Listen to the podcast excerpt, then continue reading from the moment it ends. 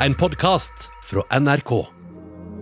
I mange amerikanske stater handlet ikke årets valg bare om hvem som skulle bli president. Mange steder skulle velgerne også stemme for eller imot legalisering av cannabis. Measures to legalize medical and recreational use of marijuana won in every state it was on the ballot. Og det skjer i et land som i over 50 år har ført en knallhard krig mot narkotika. Den såkalte War on Drugs. En krig som har kostet milliarder av dollar, og som har gjort at veldig mange mennesker har havna i fengsel i USA. You said that you've been arrested over 20 times for weed possession? Yeah, yeah. The number is 21 right now. Hvorfor har amerikanerne gitt opp krigen mot narkotika? Og vet de egentlig hva de gjør i sin iver etter å legalisere stoffet?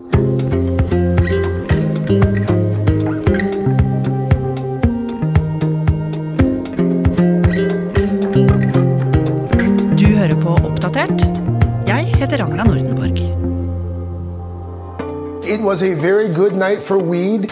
voters have approved the legalization of recreational marijuana. I think we should decriminalize marijuana, period. period. Joe Biden vant jo presidentvalget, men mange mener at også cannabis vant valget i USA.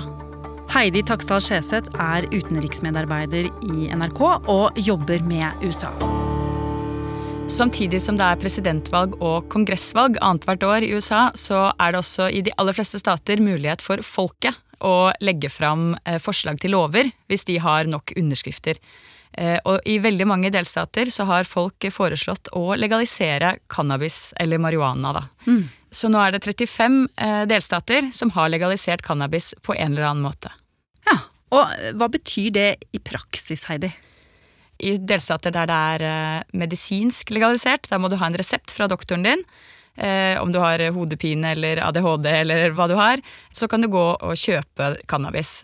Og i delstater som har gjort det fritt for alle, så må du være over 21 år, og det er noen reguleringer på hvor mye du kan kjøpe eller dyrke, da.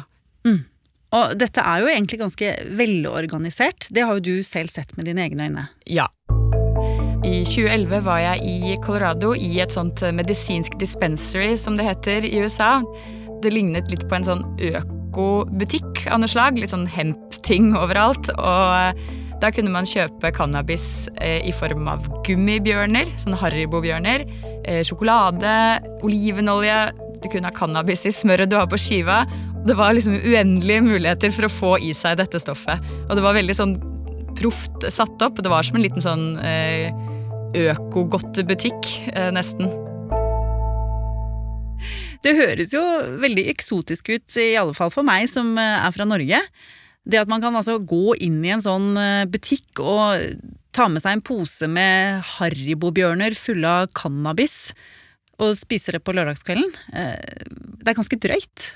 Ja, og altså, i USA nå i dag så er det ganske vanlig, og det er veldig mange både på høyre- og venstresiden som, som bruker cannabis. Men hvis du ser på det i et historisk perspektiv, så er det også oppsiktsvekkende i USA. Eh, For de har kjørt en knallhard kamp mot narkotika, altså the war on drugs, i rundt eh, 50 år nå. For på 1960- og 70-tallet ble flere og flere amerikanere drept i narkotikarelaterte saker. Og narkotikamisbruket ble mer synlig i samfunnet. Og marihuanatåka lå tykt over hippienes musikkfestivaler.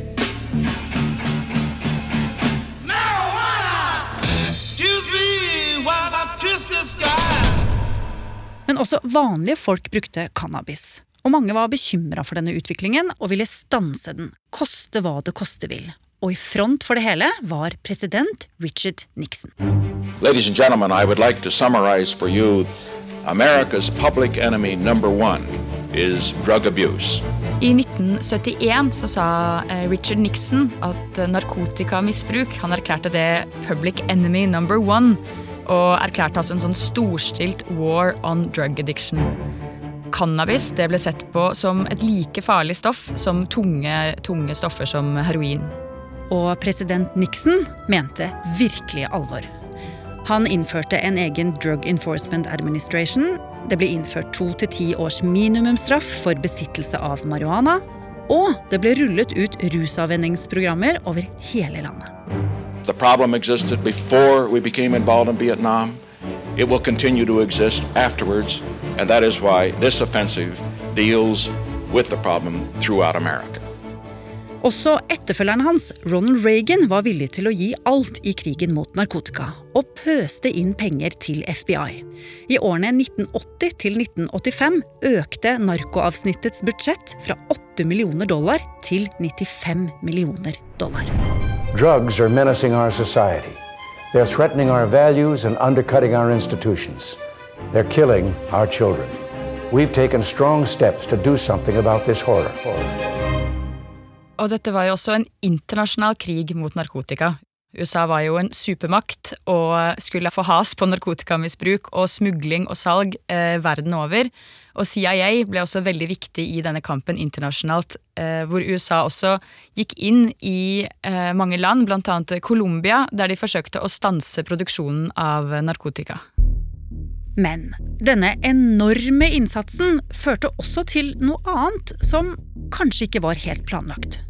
Ja, Man så jo ganske fort at den slo skeivt ut. Særlig svarte amerikanere ble arrestert for, forbruk, kjøp og salg av cannabis i mye høyere grad enn hvite amerikanere, selv om vi vet at uh, svarte og hvite amerikanere bruker dette omtrent like mye. Så det var et rasistisk element, vil mange si, i denne krigen mot narkotika. Og det er også en av grunnene til at det sitter så utrolig mange mennesker i fengsel i USA i dag. This marijuana right here? This fresh roll, man, you just got it. Okay. Can you come out here for me? It's all personal use. Og i tillegg så man at de mektige narkokartellene sørover på det amerikanske kontinentet fortsatte å vokse. Og heller ikke hjemme i USA lot folk seg avskrekke av trusler om strenge straffer. Folk fortsatte å røyke. This is grass. You mean marijuana? Yeah. Let me see that. Hijo de la chingada. Is that a joint, man? I learned that I shouldn't get high to come up with ideas. I should come up with ideas and then get high. So is that a joint? It's um, marijuana It's inside of uh, tobacco. Oh, okay. So it's like pot, tobacco Yeah. pods. You never had that? Yeah, I think I tried one once. Dessuten mente flere forskere at cannabis ikke var så farlig som det var blitt framstilt som. Og det var sterke krefter som kjempet for å skrinlegge hele cannabisforbudet. Spesielt i den progressive staten California var cannabislobbyen sterk. Der var de opptatt av at aids-syke og kreftsyke hadde god nytte av cannabis, bl.a. for å dempe kvalmen ved medisinering. Og i 1996 ble de hørt. I alle fall på et vis. Da stemte nemlig California fram en historisk eh, lov. De stemte ja til å legalisere medisinsk marihuana som første delstat ut. Og man visste det kanskje ikke da, men dette var begynnelsen på slutten på krigen mot narkotika. Og som du sa, dette var jo for første gang i USA. Hva var egentlig konsekvensene av at de tillot cannabis til medisinsk bruk? Det var jo med på å normalisere bruken av cannabis eh, i California og også i USA. Mange så mot California, og de ser eh, sånne små butikker med medisinsk marihuana poppe opp. Eh, Du hører kanskje om eh, nabojenta som bruker medisinsk marihuana, som forteller at det hjelper henne veldig. Altså, det, ble en, det ble veldig mye fokus på også hvordan eh, cannabis eller marihuana kan hjelpe folk, og ikke bare hvor skadelig det er. Og resten av USA fulgte spent med på eksperimentet i California. Og de så blant annet at det kom inn skattepenger på salget av cannabis. Så, bare to år senere, fulgte tre andre stater etter. Og i 2012 så kommer det virkelige nådestøtet mot krigen mot narkotika. Da legaliserer delstatene Colorado og Washington cannabis for alle over 21 år. The moment recreational pot, anything less than an ounce, no longer illegal in Washington state. It's amazing. I'm not a criminal anymore. I can't go to jail for small amounts of marijuana. You know, it's, I'm free to be free. Etter hvert gjorde flere stater som Colorado og Washington de legaliserte cannabis.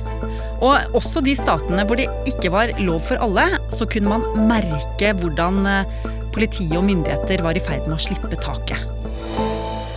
Og det har jo du sett på nært hold, Heidi. Fortell om det. Da jeg bodde i New York i 2015, eh, da var eh, medisinsk marihuana lov, men det var fortsatt eh, ulovlig å bare bruke det sånn helt fritt. Men det var likevel veldig, veldig vanlig. Og en fyr jeg bodde i kollektiv med, han eh, ville, ha, ville bestille eh, cannabis på døra. Så da ringte han eh, opp til Jeg husker ikke hva de het. Vi bodde i Brooklyn, og så svarte de sånn Å nei, du har ringt The, Manhattan Branch. Du må ringe Brooklyn-branchen. Og så ringte han Brooklyn-delen av dette selskapet. Eh, Så kom det en veldig sånn eh, fresh, ung, 25 år gammel jente med en koffert kom på døra. Altså ikke i det hele tatt sånn du ser for deg en litt sånn dodgy narkotikadealer. Eh, Og ringte på og kom inn i stua vår. Og i denne kofferten som hun åpna på stuegulvet vårt, så kunne han velge da mellom eh, masse forskjellige cannabisprodukter. Det var også sånne små sjokolader, det var eh, røyk, det var eh, eh, kjeks, det var ulike eh, typer cannabis til ulik rus. Eh, Så det var veldig fascinerende å se på. Hva gikk han for? Husker du det? Nei, det har jeg glemt, men han fikk med seg en hel del. Og nå har jo virkelig trenden med å legalisere skutt fart under årets valg. For situasjonen er nå at to tredjedeler av statene i USA tillater enten medisinsk cannabis eller cannabis til fri bruk. Men er dette bare bra? Altså, Veit amerikanerne egentlig hva de holder på med når de sier ja til dette? Ja, det er et veldig godt spørsmål, og det er ingen enighet om svaret. Noen forskere mener at de som allerede brukte marihuana, bruker det nå litt mer, men at det ikke har ført til mer bruk blant folk som ikke allerede brukte det. Andre ser, peker på skatteinntekter, at dette har ført til arbeidsplasser, eh, at det har vært bra for økonomien, at det er bedre å regulere bruk, man har oversikt, eh, enn at det er da under, under bordet og ulovlig. Eh, Og jeg snakket med jusprofessor Robert Mikos, eh, og han sier det er altfor tidlig å si. Han kaller det hele et gigantisk eksperiment, eh, fordi vi ennå ikke vet konsekvensene av det, og at det er så mange ulike regler i de ulike delstatene. Så han sier at dere får se mot oss, dere i Europa, dere i Norge, så får dere se hvordan det blir, og så får dere vurdere om dere vil gjøre det samme. Nettopp. For her hjemme diskuterer vi avkriminalisering av cannabis.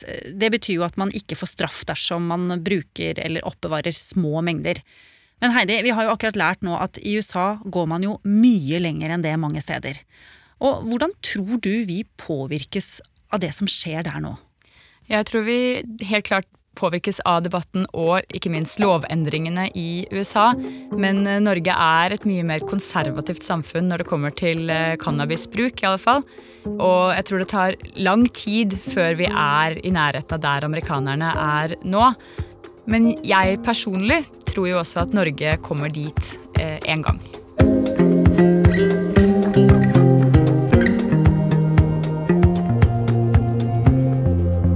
Har du lyst til å bli fast lytter av oss i Oppdatert og få påminnelse om nye episoder, så er det bare å abonnere på oss i NRK radioappen. Og så er det veldig hyggelig hvis du vil anbefale oss til en venn.